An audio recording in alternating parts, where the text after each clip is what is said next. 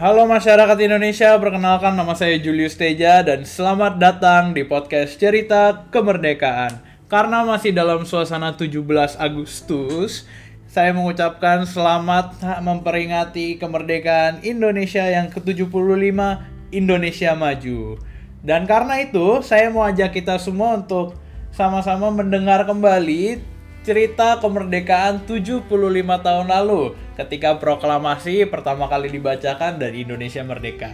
Seperti yang kita tahu, pada saat itu Indonesia terbagi menjadi dua golongan, yaitu golongan muda dan golongan tua. Golongan tua kita tahu terdiri dari Soekarno, Muhammad Hatta, Ahmad Subarjo, dan sebagainya. Lalu golongan muda terdiri dari Khairul Saleh, Wikana, dan sebagainya. Kedua golongan ini sangat menginginkan Indonesia untuk merdeka. Terlebih lagi pada saat itu Jepang sudah menyerah dengan sekutu dan Indonesia mendapat kesempatan emasnya untuk memproklamasikan kemerdekaannya. Namun uh, kedua golongan ini memiliki cara yang berbeda-beda untuk sampai ke uh, pada proklamasi kemerdekaan tersebut. Secerita singkat, golongan tua uh, menunggu konfirmasi dari Jepang kapan Indonesia nih bisa memproklamasikan kemerdekaan. Tapi golongan muda bilang uh, kepada golongan tua, kita harus segera memproklamasikan kemerdekaan sekarang, mumpung Jepang lagi uh, jatuh-jatuhnya nih, udah saatnya kita menjadi bangsa sendiri. Tapi golongan tua bilang nggak mau terburu-buru karena menyangkut rakyat. Bisa jadi terjadi pertumpahan darah lagi apabila memproklamasikannya terburu-buru golongan tua yang dengan semangat berkobar-kobar untuk merdeka yang uh, akhirnya bilang kita nggak bisa gini. Indonesia kalau misalkan menunggu konfirmasi dari Jepang berarti kemerdekaan kita dilandasi dari pemberian mereka bukan perjuangan bangsa kita. Golongan tua tetap udah nggak usah buru-buru gitu kan mereka. Lalu Kembali dengan semangat yang berkobar-kobar dari golongan muda, terjadilah peristiwa terkenal yang kita tahu sampai sekarang, peristiwa Rengas Dengklok. Di mana Muhammad Hatta sama Soekarno akhirnya dibawa ke Rengas Dengklok dengan tujuan supaya nggak dipengaruhin sama Jepang. Supaya mereka nggak menghadiri rapat itu pagi ya, karena mereka diculik uh, subuh-subuh kan.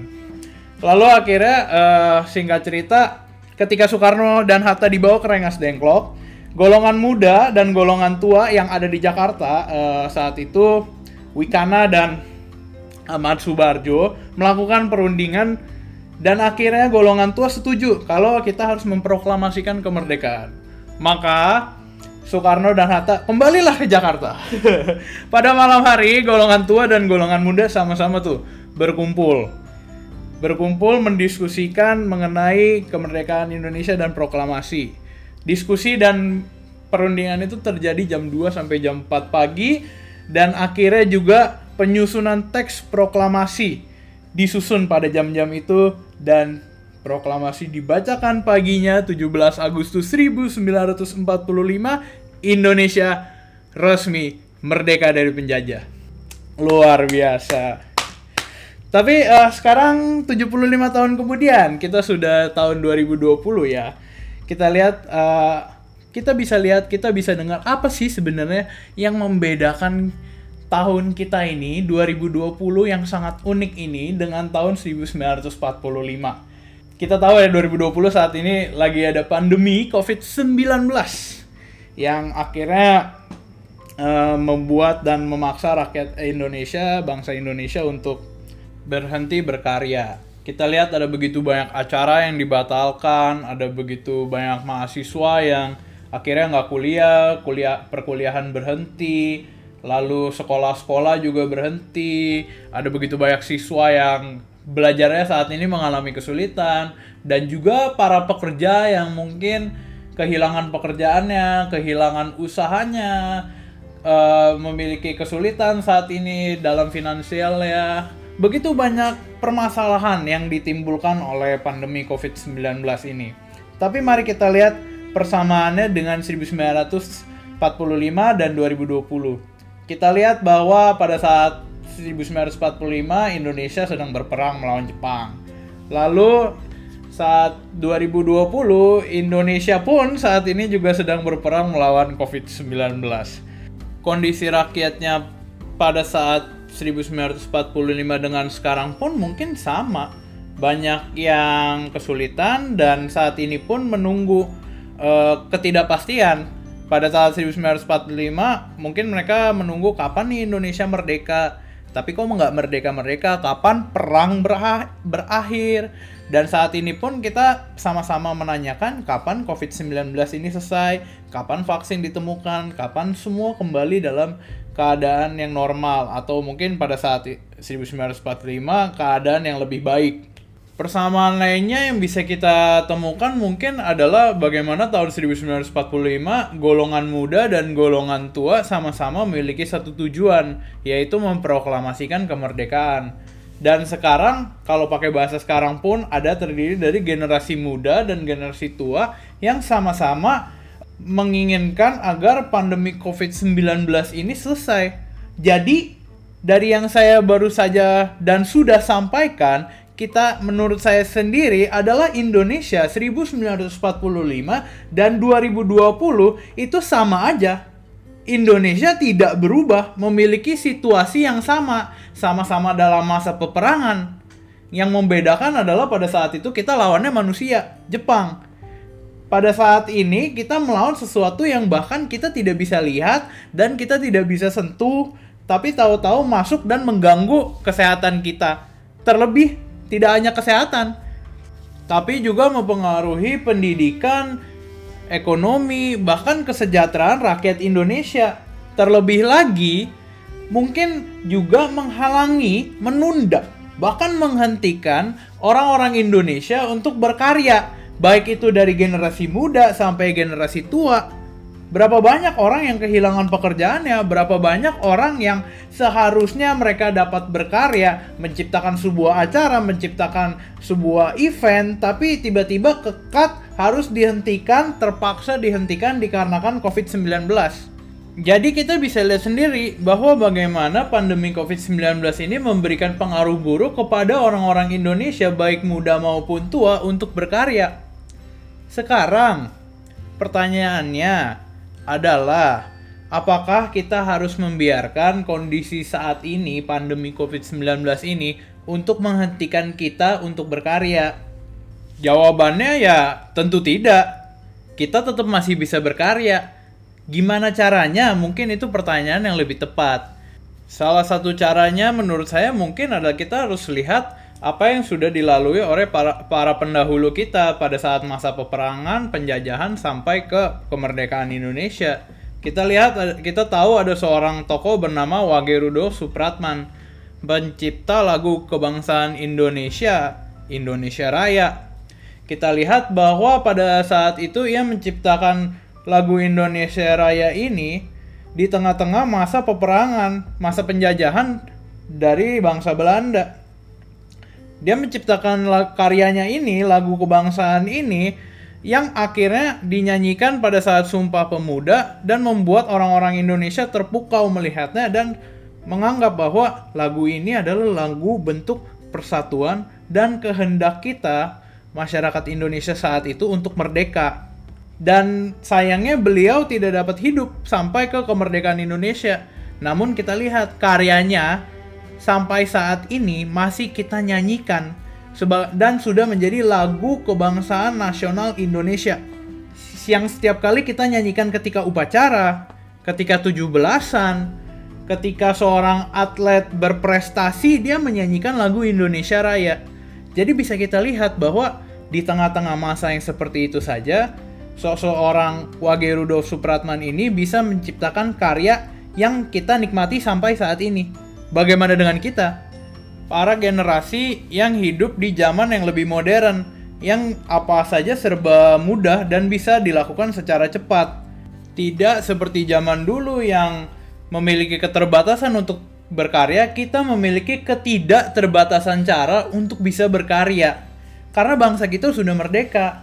Soekarno sendiri bilang ketika pidato sebelum proklamasi, sekarang tibalah saatnya kita benar-benar mengambil sikap nasib bangsa dan tanah air kita di dalam tangan kita sendiri. Hanya bangsa yang berani untuk mengambil nasib dalam tangannya sendiri dapat berdiri dengan kuatnya. Jadi kita mengerti bahwa bangsa yang merdeka adalah bangsa yang mandiri. Dan sekarang, 75 tahun kemudian, dari yang sudah saya sampaikan, maka kita bisa melihat ada satu perbedaan yang terlihat dari 1945 sampai 2020, yaitu keterbatasan dalam berkarya. Karena sekarang sudah bebas, kita bisa berkarya dari mana saja, apa pun bisa kita karyakan asal itu berguna untuk bangsa. Jadi kita nggak bisa bilang kalau pandemi COVID-19 membuat kita berhenti berkarya. Enggak, enggak seperti itu. Justru saat-saat seperti inilah kita harus bisa berinovasi menemukan hal-hal baru untuk bisa berkarya. Dan sekarang sudah terbukti, ada banyak orang yang sudah berinovasi dan terus berkarya meskipun di tengah pandemi dalam meningkatkan produktivitas. Contohnya pada saat zaman PSBB, uh, eh, semua harus uh, tinggal di rumah saja dan saat itu keluarlah kebijakan WFH, work from home. Ketika pekerjaan semua dihentikan, orang-orang tetap bisa bekerja dari rumah karena zaman sekarang sudah memiliki platform digital. Ketika mahasiswa dan pelajar tidak bisa sekolah, tidak bisa kuliah, tetap ada platform digital bisa belajar dari rumah, apa-apa bisa berkarya dari rumah. Jadi kita nggak bisa bilang pandemi COVID-19 ini menjadi alasan kita untuk berhenti berkarya. Namun sekarang masa WFH udah berakhir dan kita sudah memasuki PSBB transisi atau dengan nama kerennya adalah new normal. Tapi berarti kita sudah berpikir, oh berarti kita sudah menuju akhir pandemi COVID-19 kali ya. Kita udah bisa bekerja dan berkarya ke, seperti biasa kembali. Enggak, tentu tidak. Tentu belum sekarang. Justru sekarang kondisi pandemi COVID-19 semakin memarah. Sekarang kita lihat sudah berapa banyak orang yang menjadi korban dalam virus corona ini. Sudah berapa banyak orang yang maaf berkata sudah kehilangan nyawanya dikarenakan virus corona ini. Dan sudah berapa banyak dokter yang sudah berjuang di garis depan dan sudah kehilangan nyawanya. Sudah begitu banyak korban yang ada ak akibat pandemi COVID-19 ini. Kita lihat, kita masih berperang saat ini, belum selesai. Tapi seakan-akan pandemi ini sudah selesai. No, belum. Karena itu, semua-semua orang jangan lupa kita di Indonesia sudah diberikan setiap orang perisai dan pedang. Apa perisai dan pedangnya? Perisainya adalah protokol kesehatan. Kita bisa memakai masker, social distancing, membawa hand sanitizer, dan tidak keluar rumah ketika kita sedang nggak enak badan. Itu perisai kita. Dan pedangnya apa? Pedangnya adalah keinginan dan gairah kita untuk terus berkarya meskipun ada begitu banyak permasalahan yang diakibatkan oleh pandemi saat ini. Jadi kita nggak bisa menganggap bahwa pandemi ini sudah berakhir. Dan justru saat ini saat-saat di mana kita memberikan yang terbaik untuk Indonesia. Tadi di awal podcast saya sempat ungkit kalau di dalam kemerdekaan 1945 ada golongan muda dan golongan tua yang bekerja sama sampai akhirnya memproklamasikan kemerdekaan Indonesia. Dan sama dengan saat ini pun ada generasi muda dan generasi tua yang sama-sama sedang bekerja sama untuk memerangi COVID-19. Dan menurut saya apabila generasi kedua generasi ini bekerja sama pada suatu saat nanti ujungnya Indonesia pasti juga merdeka dari COVID-19. Ya kita lihat saat ini perannya masing-masing. Peran generasi tua saat ini pemerintahan Indonesia adalah bagaimana terus mendukung rakyat Indonesia dan juga memastikan agar Indonesia tetap sejahtera di tengah pandemi COVID-19 ini dan juga sistem kesehatan agar terus berjalan. Bagaimana dengan generasi muda saat ini? Ya terus belajar, terus berkarya.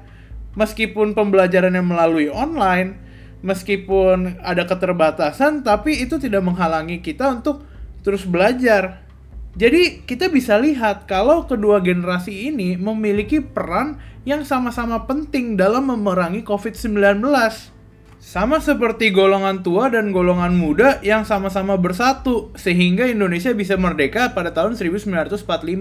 Sekarang 2020 sama kondisinya. Kita harus bersatu agar kita bisa merdeka dari COVID-19.